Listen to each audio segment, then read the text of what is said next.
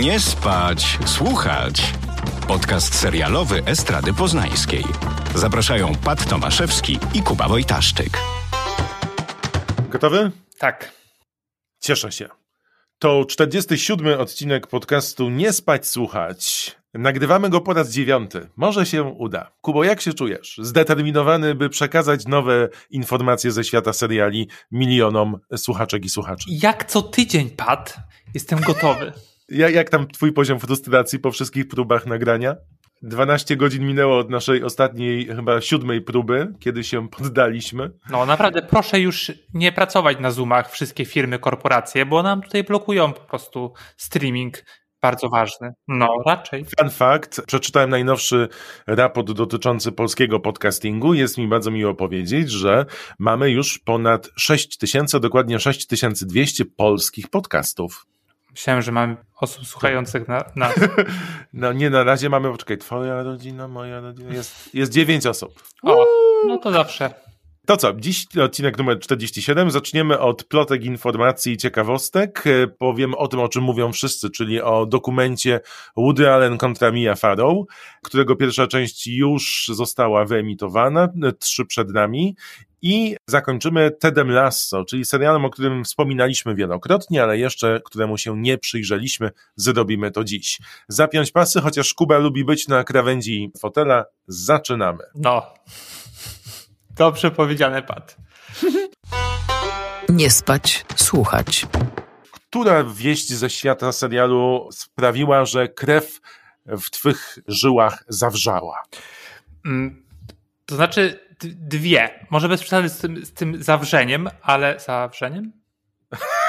Wrzeniem, po prostu. Krew była, płynęła spokojnie, ale mm, pierwsza informacja powoduje, że serial Sukcesja, czyli serial, na który najbardziej czekam, i trzeci sezon tego serialu, najprawdopodobniej jest już w produkcji, ponieważ HBO ogłosiło, że do obsady dołącza Hope Davis, e, aktorka amerykańska wspaniała.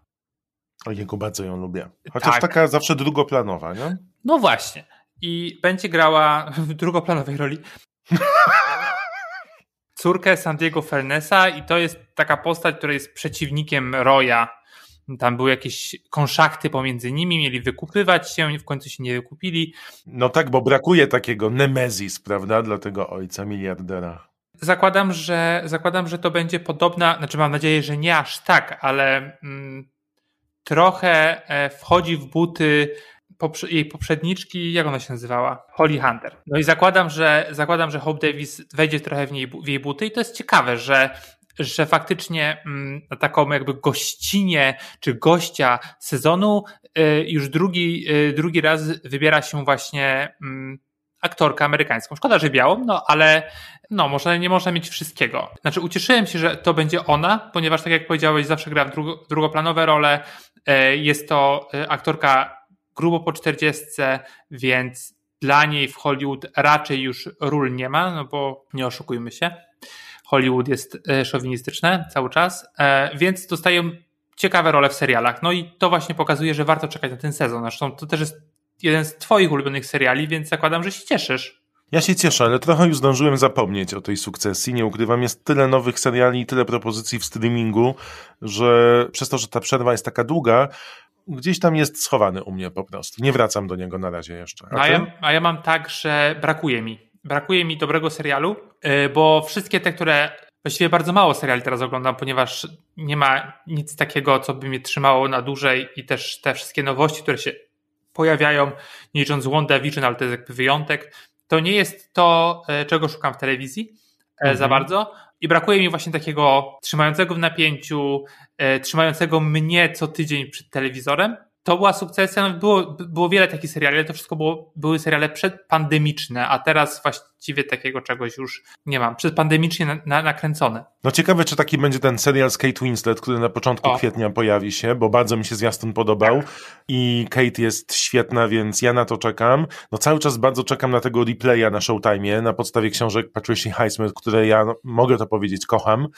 i nie wiem, czy czekam na te dwie informacje, które mam ja, ale wczoraj sieć Paramount Plus która powstała z CBS All Access i chce konkurować z Netflixem i Apple TV i wszystkimi pozostałymi platformami streamingowymi, ogłosiła, że ożywia Reya Donavana na film pożegnalny, bowiem Showtime zakończył produkcję nie rozwiązując wątków ostatecznych i ogłosiła też, że robi revival, czyli wyciąga z grobu Frasera który przez O prawie Jezu. 11 albo 12 lat w Stanach jako spin-off Zdrówka, czyli serialu Cheers, królował na liście nagradzanych produkcji telewizyjnych.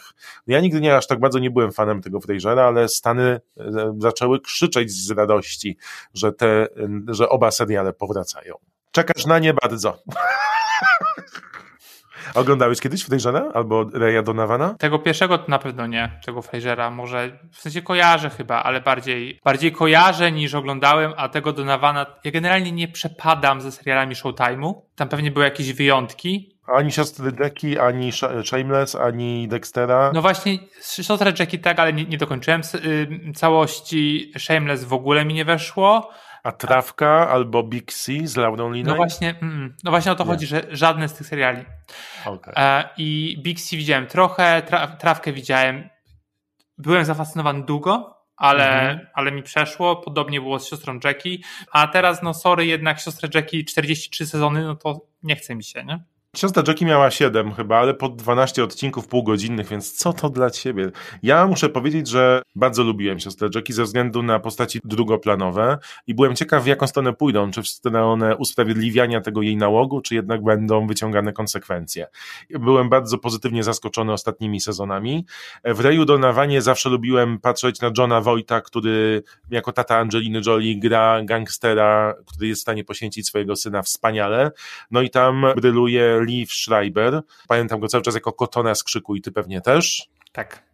I no, myślę, że to jest bardzo miły gest w stronę widzów, którzy angażują się przez chyba 7 lat w serial i nagle dostają informację, mm, sorry, nie kręcimy dalej, nie rozwiązujemy wątków, a tu jednak będzie okazja, żeby kupić kolejną subskrypcję.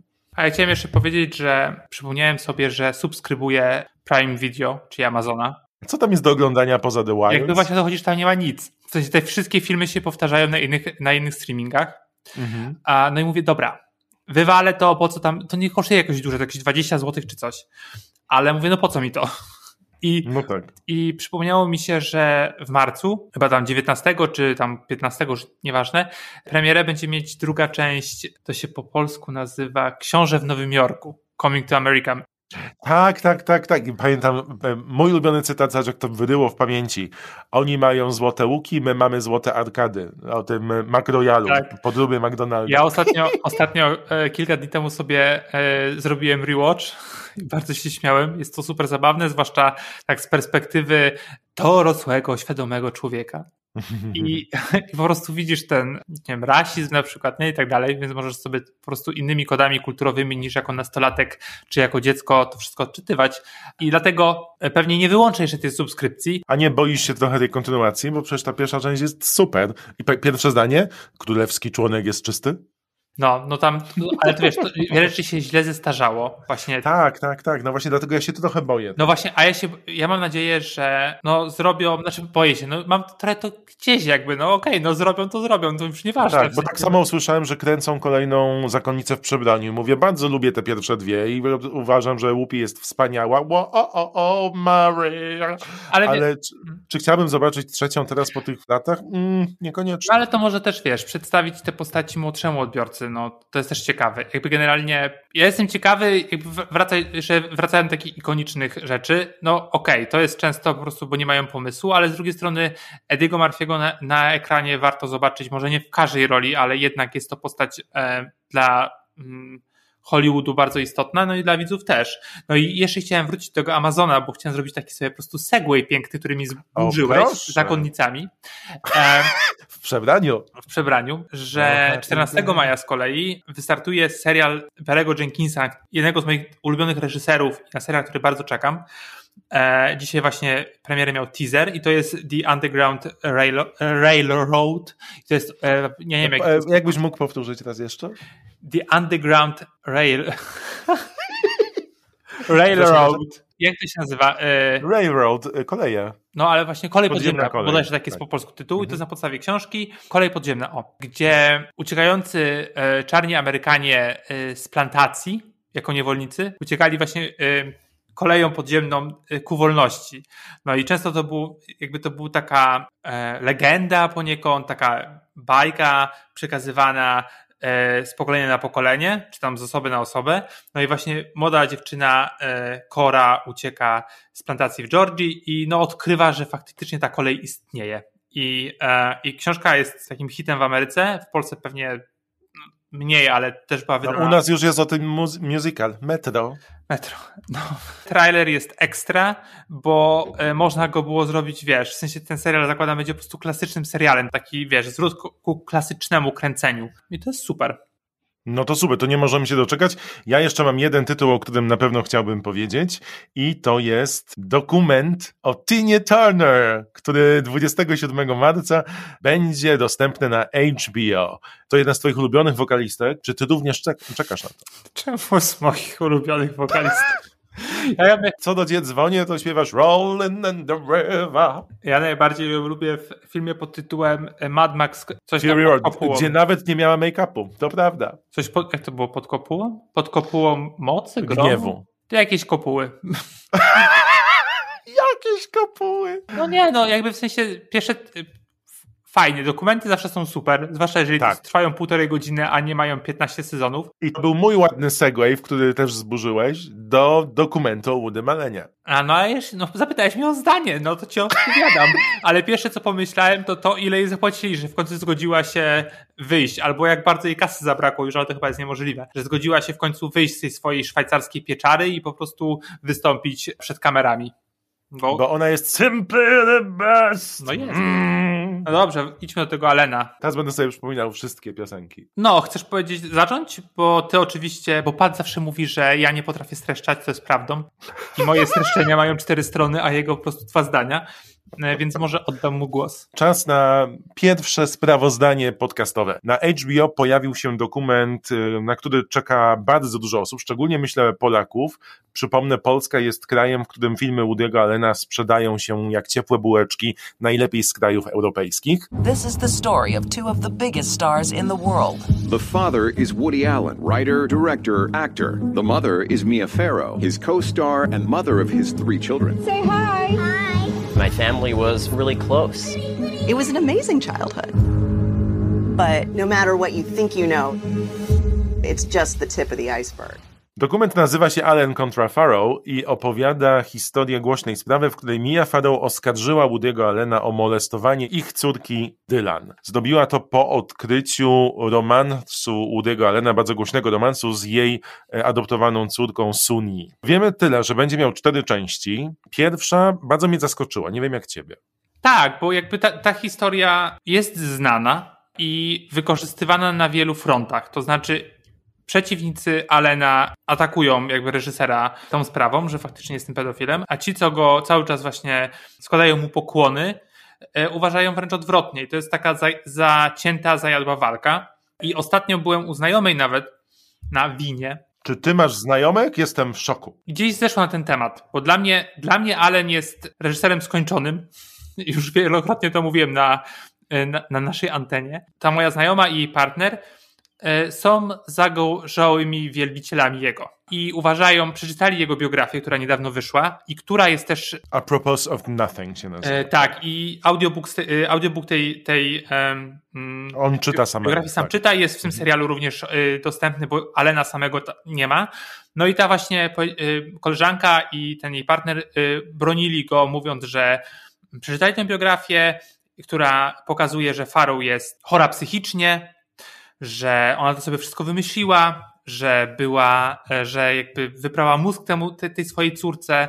Dla mnie jakby zawsze, jeżeli atakuje się kobietę, która wyszła, czy dziewczynę, która wyszła i mówi, że była molestowana mm, i wszyscy mówią, że nie, nie, nie, że to jest nieprawda, no to zawsze jest właśnie kontra, y, jakby męskie zdanie, kontra kobiece zdanie.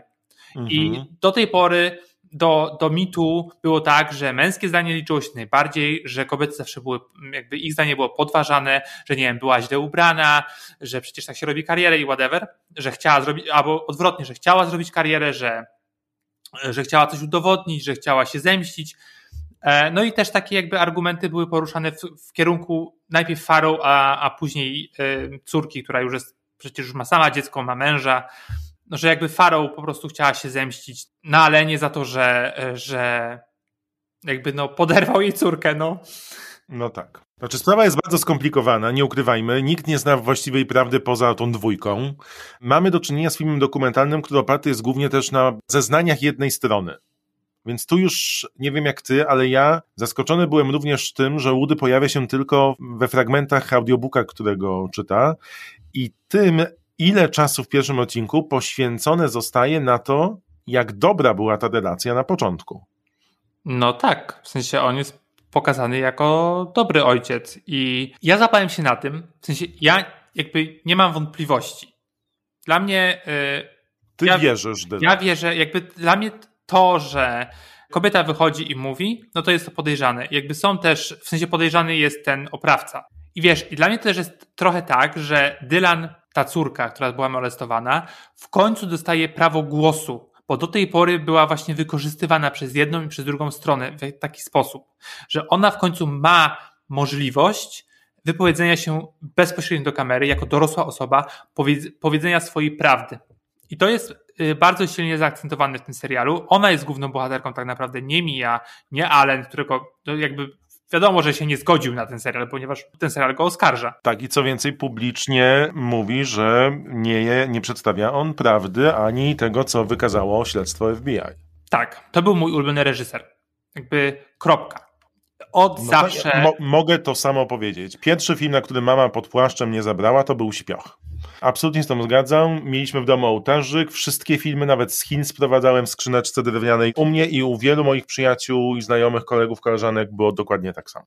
Odkąd dowiedziałem się o tej całej historii, to po prostu e, przestałem Alena oglądać, ponieważ zdanie, tak jak powiedziałem, zdanie kobiety dla mnie jest najważniejsze i uważam, że to jest prawda. Pomimo, że te filmy kocham, jakby i co, pokazu- co, co powiem się na tym wielokrotnie, ponieważ w pierwszym odcinku pokazują fragmenty niektórych tych najbardziej znanych i najlepszych y, alenowskich filmów.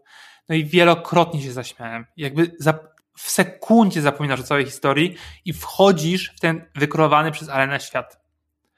I to jest na takiej zasadzie trochę wyrzutu sumienia, jak się jednak budzisz po tej sekundzie, po tej ułamku sekundy, że halo, to jest coś nie tak, w sensie, że, że i, i, i no, można prowadzić narrację taką, jak rozdzielić, czy rozdzielać autora od tego, co wykreował, że wiesz, kasujesz autora, a zostawiasz dzieło sztuki, jakiekolwiek by ono nie było, czy po prostu zapominasz o całym jego dorobku. No tak, to jest dylemat, z którym coraz częściej musimy się zderzyć. A propos tego właśnie bronienia Alena, bo, no bo faktycznie, jak wejdziesz na IMDB, to ten serial głosami widzów ma 3,6 na 10.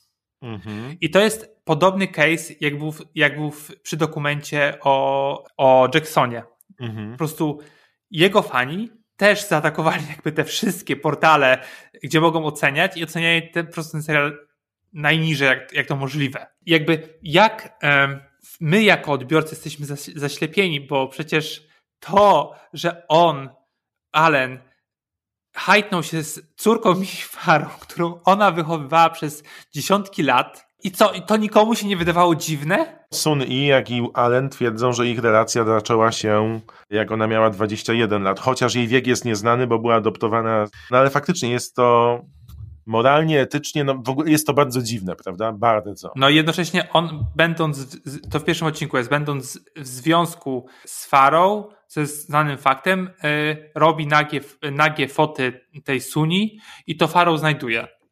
Tak, I od tego się zaczyna jakby cała historia. No i później Dylan faktycznie y, chodzi na terapię. No i też wiesz, jakby to są, ten serial jest, to nie jest też spowiedź po latach. Znaczy, też jest w tym, w tym serialu dostępna, ale, ale nie tylko. Jakby to jest y, po prostu bardzo złożona rzecz, że tam jest no, tych warstw sporo. Ja jednak patrzę na to jako dziennikarz i przede wszystkim jako, że też tak jak ty, wielkim fanem Woody'ego Allena byłem, postanowiłem podejść do tego rzetelnie, tak jak przyzwoitość dziennikarska nakazuje. Czyli poczytałem sobie wszystkie rzeczy na temat tego śledztwa, poczytałem sobie opinię jednej strony, drugiej strony wypowiedzi Ronana Farrowa, który przypomnijmy jest jakby nie było pewnym ojcem tego ruchu MeToo oraz Time's Up, ponieważ to jego śledztwo dotyczące Harvey'ego Weinsteina zapoczątkowało tę falę i ten hashtag MeToo. Za, zaczęły to czarne kobiety. Tak, ale on to opublikował i on udowodnił poprzez swoje śledztwo, że rzeczywiście Harvey jest winny i miał na to dowody, w tym zeznania dwóch kobiet, które za jego pośrednictwem zdecydowały się opowiedzieć, a potem kolejne przestały się ukrywać. No i on dostał Pulitzera za ten reportaż, a potem napisał książkę Catch and Kill, której też, żeby nie było e, całkowicie, że jest taki super świetny, zarzuca się manipulowanie faktami, to są konkretne przykłady i jako dziennikarz postanowiłem też tak spojrzeć na ten dokument. W dokumencie twórcy, dodajmy, że to jest to dwójka Amy, Amy Zeding, jej partner filmowy Dick Kirby, para dokumentalistów, którzy mają na swoim koncie bardzo dużo nagród do Emmy i nominacji i generalnie tworzą bardzo dobre filmy, pokazała właśnie tak jak mówisz, po, powiedziała dajmy głos tej drugiej stronie i jest to bardzo widoczne. Czyli dla mnie, jak na ten film dokumentalny, on jest bardzo już od razu nacechowany subiektywnością, bo nawet nieweryfikowane są, jak powinno być w dokumentach, rzeczy, które mówi Mia Farrow i Dylan Farrow. Bo na przykład ja od razu już wyłapałem, jako ten, który czytał dużo, przeszły rzeczy, które nie mają odzwierciedlenia w rzeczywistości. We wszystkich zeznaniach sądowych, które są publiczne, mówi się o tym, że Farrow manipulowała prawdą, mówiąc, że Woody Allen poszedł do terapeuty na temat niepoprawnych stosunków ze swoją córką. Ona o tym mówi w tej pierwszej części dokumentu. Tymczasem prawda jest taka, co zeznawała ona w sądzie i są te dokumenty dostępne, nawet je po tym dokumencie również przeczytałem, po tym filmie dokumentalnym, że Woody nie był w żadnej terapii, tylko w terapii był Ronan Farrow, nazywany wcześniej Sachetem i on przychodził na tę terapię z rodzicami i również w związku z tym opytano i opowiadano o relacjach Woody'ego i Mii z innymi dziećmi. A jest to pokazane w ten sposób, jakby Woody Allen był na terapii dotyczącej niepoprawnego zachowania z córką. A tak nie było. No dobra, ale to jest jedna rzecz, a no okej, okay, ale no to powiesz, jeżeli takie... pozwalasz komuś tak powiedzieć, no a jesteś dokumentalistą, i no to generalnie pozwalasz, żeby przecisnęło się kłamstwo przez to wszystko. Ja nadal nie oceniam, nadal uważam, że rzeczywiście jeżeli jest, ten dokument ma pokazać tam w jaki sposób działa potęga celebrytów, potęga białego człowieka uprzywilejowanego, to czekam na to, ale chciałbym, żeby opierali się na faktach, a nie na pomówieniach. W świetle prawa jesteś niewinny, dopóki nie udowodnią ci winę. A na razie mamy tylko zeznania, zobacz, mamy Mi, Dylan i Ronana, nie mamy w ogóle wypowiedzi pozostałych dzieci Mii Farrow i tutaj jako dziennikarz doszedłem też do bardzo ciekawej kwestii, która mogłaby rozszerzyć horyzont całego tego dokumentu, bo nie wiem czy wiesz, ale wszystkie dzieci Mii Farrow, które nie były białe, wypowiadały się negatywnie bardzo na temat tego, jak wychowywała je Mia Farrow. Dwójka z nich nie żyje, popełniła samobójstwo, Moses Farrow, który sympatyzował z Woodym, jest obecnie psychologiem adopcyjnym i zajmuje się traumami, jakich doznają dzieci adoptowane, nad którymi rodzice adopcyjni się znęcają. On też napisał reportaż mówiący o tym, jak trudne dzieciństwo zafundowała mu Mia Farrow. Sun Yi mówi dokładnie to samo i są to wypowiedzi bardzo zbliżone. Jeżeli nie byłeś białym dzieckiem Mii Farrow, to miałeś przechlapane, bo fizycznie i psychicznie znęcano się nad tobą.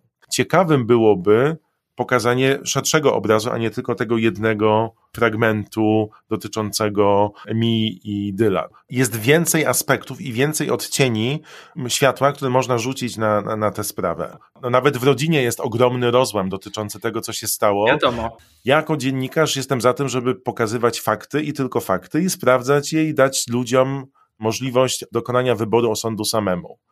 A tu już mam taką trochę propagandę na zasadzie z góry założony temat. No Pat, to mnie trochę mocno uderzyło. Pat, ale jeżeli wychodzi kobieta i mówi, była molestowana, już po, pomijając, czy to jest Dylan Farrow, czy to jest po prostu kobieta, która wychodzi przeciwko swojemu szefowi i mówi, była molestowana i to jest moja prawda. I może nie mieć dowodów na to, że ona była molestowana. Może nie ma, nie wiem, obdukcji, czy jak tam to się na wszystko nazywa.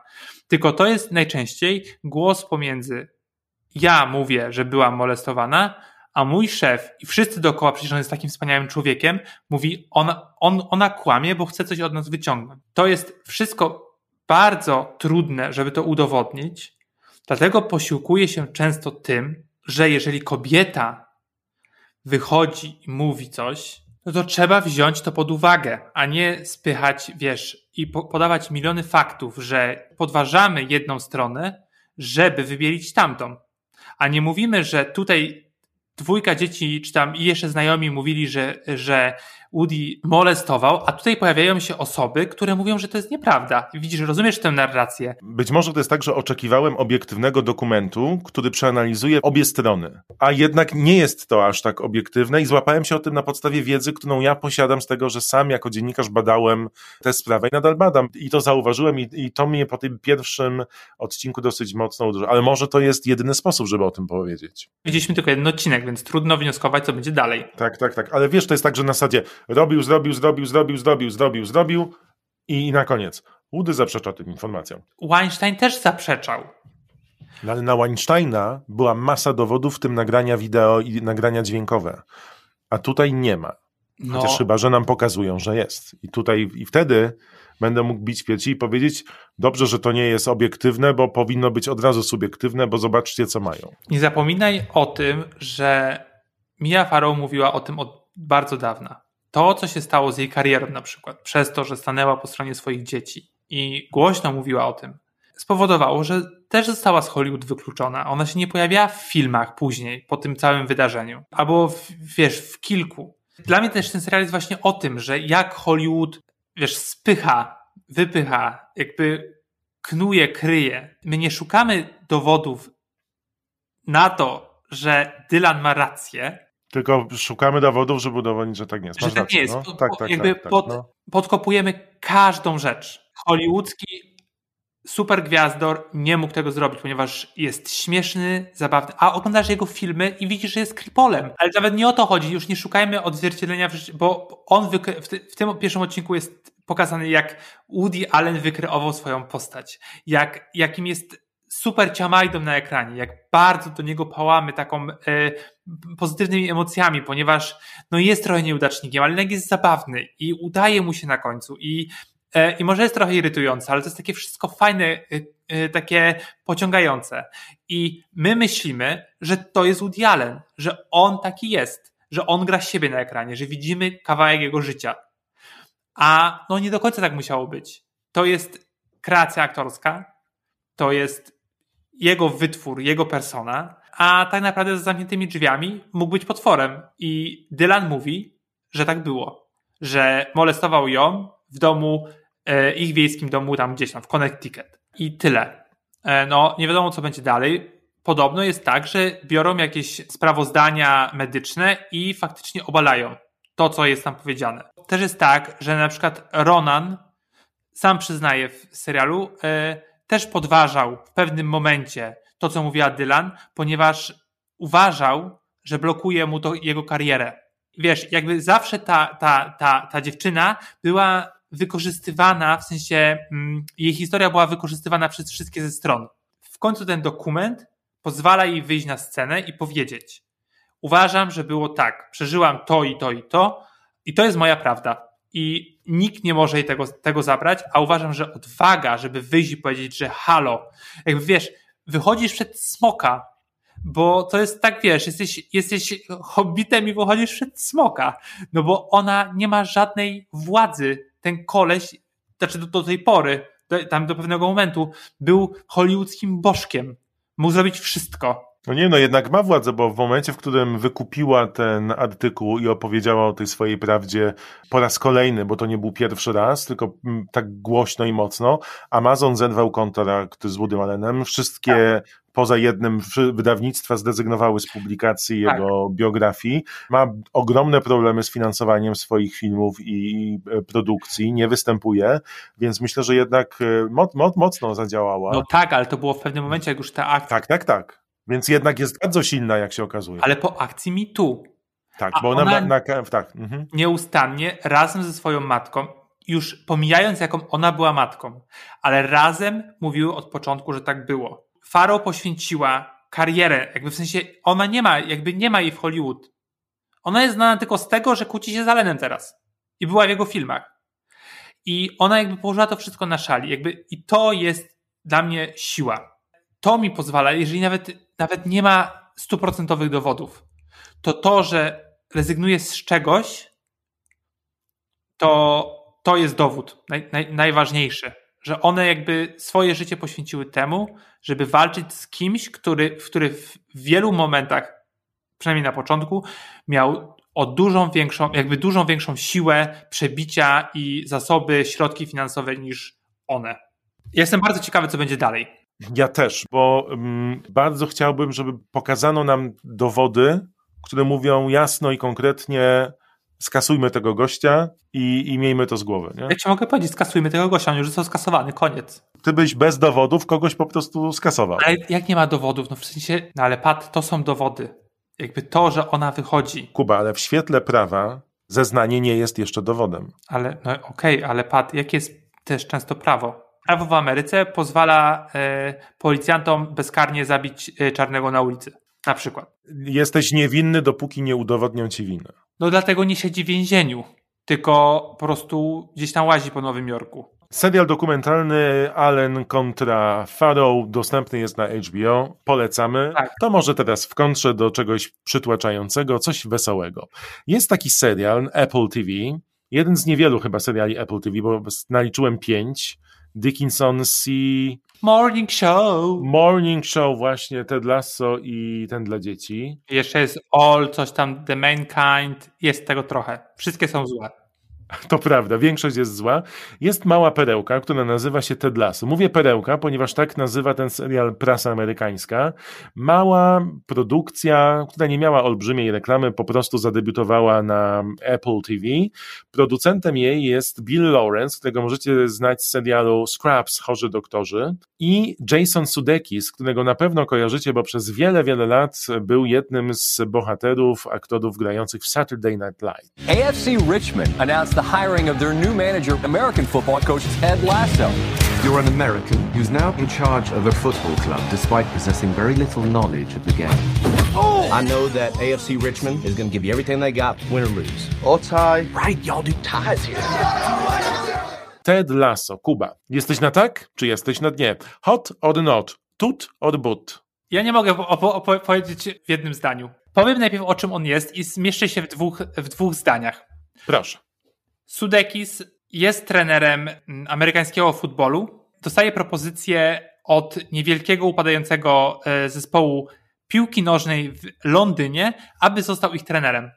Rzuca wszystko e, i wraz ze swoim e, trenerem przybocznym wyjeżdża do, do tego klubu, no i zostaje tam trenerem. Rzecz dzieje się w Wielkiej Brytanii. Nie jest to jakiś podupadający klub, tylko klub, który jest na końcu Premier League, czyli najlepszej ligi brytyjskiej. No tylko, że jest na szarym końcu tej ligi i walczy o przetrwanie i spadek do Champions League. Ted ma w tym pomóc, tylko że to pomóc jest w cudzysłowie. Tak, Bowiem właścicielka klubu zatrudniła Teda po to, żeby doprowadzić klub do ruiny. Dlaczego, Kuba? ponieważ e, rozstaje się ze swoim dupkiem mężem, e, który ją zdradzał wie, przez wiele, wiele lat. Ta drużyna jest oczkiem w głowie tego męża, czyli dla wszystkim stoi revenge. Tak, no i ro, rozwodząc się, dostaje jakby prawnie ten klub. I uwaga, kogo gra e, Rebeka, kto gra tą żonę? Hannah. Weddington, Weddingham, która była najwspanialszą septą Shame w Grze o Tron. Tak, I shame, shame. I okazuje się, że ona fenomenalnie śpiewa. Nie jest to serial wybitny, powiedzmy z góry. Nie jest to serial przełomowy. Bazuje na dosyć znanym schemacie, przedstawiając nam em, bohaterów, a jednak jest on taki ciepły. I z każdym odcinkiem miałem wrażenie, już pomijając tę fabułę i wyimaginowany świat, w którym wszyscy się znają, w którym oni żyją, że ogląda się to przyjemnie i zadawałem sobie cały czas pytanie, dlaczego ja przerwałem oglądanie tego serialu kilka miesięcy temu. Bo ty też to zrobiłeś. Ja widziałem tylko jeden odcinek. E, To jest typowy serial Feel Good i jeszcze chciałem powiedzieć, że gra tam moja, jeden z moich ulubionych aktorek, Juno Temple, Juno Temple jest super. Tak, i faktycznie błyszczy komediowo, bo naprawdę jest to zabawne. Sudekis nawet ze swoim takim południowoamerykańskim wymyślonym akcentem, w sensie on nie ma tego akcentu tak naprawdę, tak, tak. jest takim trochę rednekiem, e, i mówi to, to, co myśli, jednocześnie jest super dobry. Jest takim niepoprawnym optymistą. No i jakby też jest ten świat piłkarski, ale powiem ci mało piłki, dla mnie za mało, pomimo, że się na niej nie znam. Tak samo, co jest istotne, tak samo jak Ted Lasso. On nie ma pojęcia o piłce nożnej. E, to jest super. E, I powiem ci jeszcze, Pat, nie wiem czy doczytałeś, na podstawie czego jest ten serial? Tak, jest na podstawie reklam sprzed lat, chyba z 2013 roku, w których występował Jason Sudeikis i wymyślił sobie właśnie takiego bohatera, trenera, który się nie zna i przybywa do nowego klubu. Tak, mówię od razu, że ten serial mi się podoba. Spędzam przy nim miło czas, ma 10 odcinków, obejrzałem 8. Jest to wszystko bardzo przyjemne, często bardzo zabawne. I teraz tak, miło mi się to ogląda, ale, ale, ale e, powiedzieliśmy o tym, że te, te reklamy były w 2013 roku. Ja mam trochę takie wrażenie, że mentalnie i to też tłumaczy, dlaczego ten serial, według mnie, dlaczego ten serial jest tak popularny w Ameryce i generalnie u krytyków, że przenosimy się mentalnie do tego 2013 roku. Bo Ted Lasso, biały kolo, nie ma żadnego pojęcia o sporcie, którego ma y, coachować, jakby uczyć. On po tak. prostu lubi być coachem. To po prostu jest typowe, że jak wysyła się CV-ki, kobiety wysyłają CV-ki, jak mają 100%, y, zgadza się ich y, doświadczenie z tym, co jest wymagane, a mężczyźni 60%. Mi się wydaje, że Ted Lasso ma może tak 25% umiejętności, żeby prowadzić ten klub, a mimo wszystko przyjmuje tę, tę y, jakże wspaniałą pozycję w Londynie. Jeszcze dlatego ją przyjmuje, żeby, bo separuje się ze swoją żoną i idzie tam coachować. I to jest po prostu typowy biały kolo. Który... Tak, znaczy w ostatnich odcinkach jest wytłumaczone to bardziej, bo ja widziałem całość. Ten serial jest mało współczesny. Ja nawet sobie zapisałem, że go się ogląda trochę jak Gilmore Girls, bo technologia tam w ogóle pojawia się tylko dwa razy, jak trzeba pokazać Apple'a. Czyli, że korzystają z MacBooka, FaceTime'a albo telefonem robi zdjęcie dokumentu. I generalnie jeszcze jest, masz rację, i jeszcze w wielu serialach, e, teraz już coraz mniej, ale generalnie jest tak, że jeżeli chcemy pokazać, że udajemy, że nie jesteśmy rasistami, to co robimy? Dajemy tło, e, tak. że w tle jest inny kolor skóry niż, e, niż biały. No i po prostu tutaj jest typowy gradient, że na froncie mamy białych, który przychodzi, przechodzi, przechodzi e, aktorów czarnych, czy, e, czy o innym kolorze skóry, znaczy generalnie czarnych. E, I jak spojrzysz nawet na Naitana, który jest bardzo spoko, jest hinduskiego pochodzenia i on jest tam, powiedzmy tam drugoplanowa rola, to naprawdę o tych wszystkich, tak samo o tych piłkarzach czarnych, za dużo nie wiemy. Po prostu jeden jest śmieszny, drugi jest gburem, trzeci jest głupkowaty. I tyle. To jest taki serialowy właśnie powrót do przeszłości i wydaje mi się, że z tego bierze się ta popularność. Jakby generalnie nie zrozumcie mnie też źle, drodzy słuchacze. Ten serial jest bardzo fajny i go się naprawdę miło ogląda. To jest taki po prostu zatracasz się w tym półgodzinnym odcinku e, i po prostu czujesz się dobrze z nimi. To jest fajne. Chcesz się spotkać z tymi bohaterami, bo to jest mile spędzony czas. Tak, jest bardzo dobrze zagrany. Juno Temple błyszczy. Tak samo ta, ta Hanna Wedding tam i tak samo Sudekis.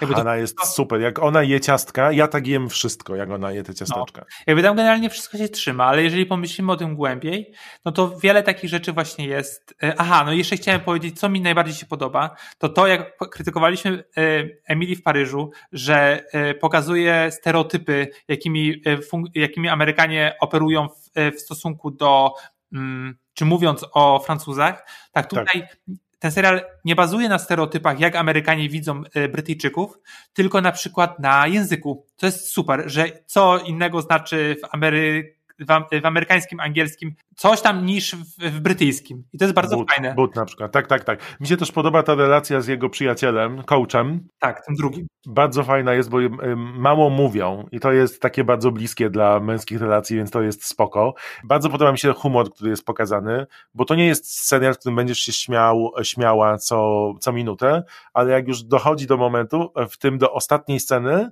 no to robisz takie nie wierzę.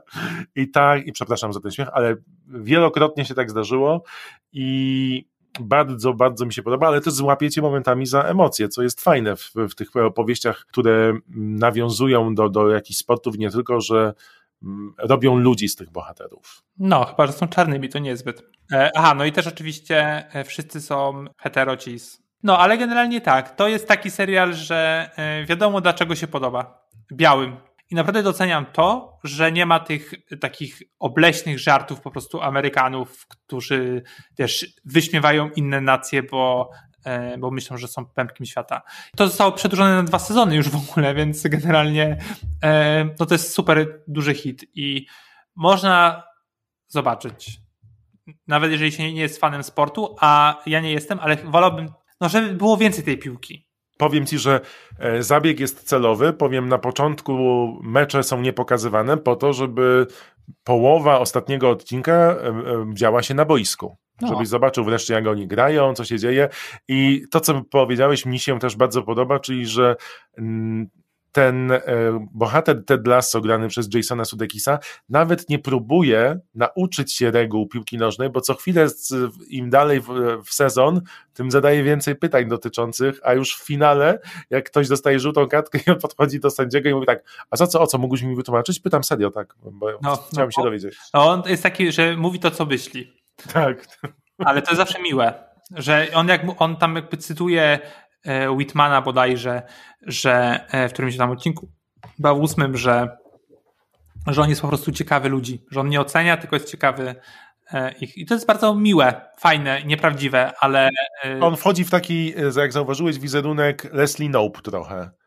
Tak, tak, tak, tak. Optymista, szuka dobrego u ludzi, zawsze daje szansę. Tak. Dokładnie tak, dokładnie tak. No ale to dobrze, bo to jest sprawdzona formuła, która ludziom się spodobała i widać, że wzięli to, co dobre. I zachęcam do tego, żeby zobaczyć również Teda Lasso. To bardzo miła niespodzianka i też taki idealny serial na czas pandemii, bo tak jak powiedziałeś, to jest taki serial, po którym czujesz się lepiej. Feel good serial. I to z tymi serialami na czas pandemii. A niedawno gadałeś o tym, że oglądasz tych yy, Hiszpanów tam umierających w dokumencie.